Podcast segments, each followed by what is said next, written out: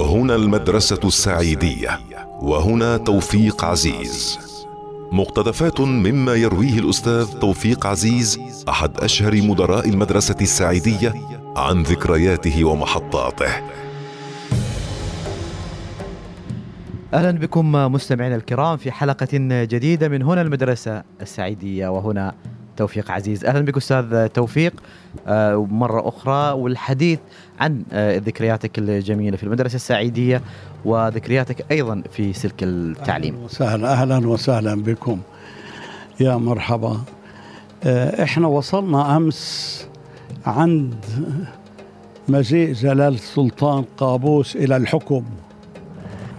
هاي المدرسة بنيت سنة 1940 وهو التاريخ الذي ولد فيه جلال السلطان كان أول همه يزور المدارس والمدرسة الرئيسية اللي كانت على طريقه دائما هي المدرسة السعيدية بمسقط. فكان كل ما مر هناك يشوف المدرسة أحيانا يدخل أحيانا ما يدخل.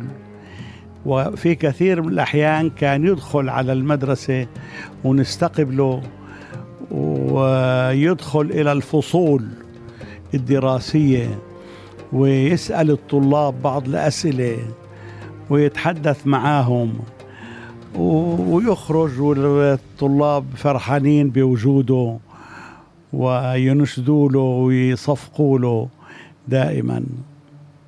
تذكر أول مرة قابلت فيها صاحب الجلالة؟ أول مرة هو دخل المدرسة فجأة وحصلك؟ نعم أول مرة دخل المدرسة السعيدية كان آه، معه سمو السيد ثويني بن شاب ودخل إلى المدرسة وأنا تفاجأت فيه. فوجئت يعني فعلا. قال إيش هاي الفصول؟ قلنا له هذا صف أول ثاني ثالث رابع خامس سادس. فدخل إلى الصف الخامس وللصف السادس. وسأل الطلاب بعض الأسئلة في اللغة العربية.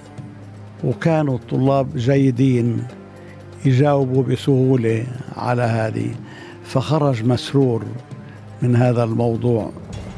بعدين في نهاية العام الدراسي قررنا نعمل حفل رياضي مسابقات لكن ما في مدارس نتسابق إحنا وياه فقسمنا طلاب المدرسة إلى فئات.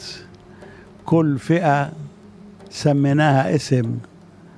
سمينا اسم الأسد اسم الليث اسم الذئب فكل وحدة كل فئة من الطلاب سميناها اسم وبدأوا يتباروا. وكنا محضرين إحنا جوائز للطلبة. هاي الجوائز اتجمعت من التجار والأهالي. ما كان في عنا فلوس.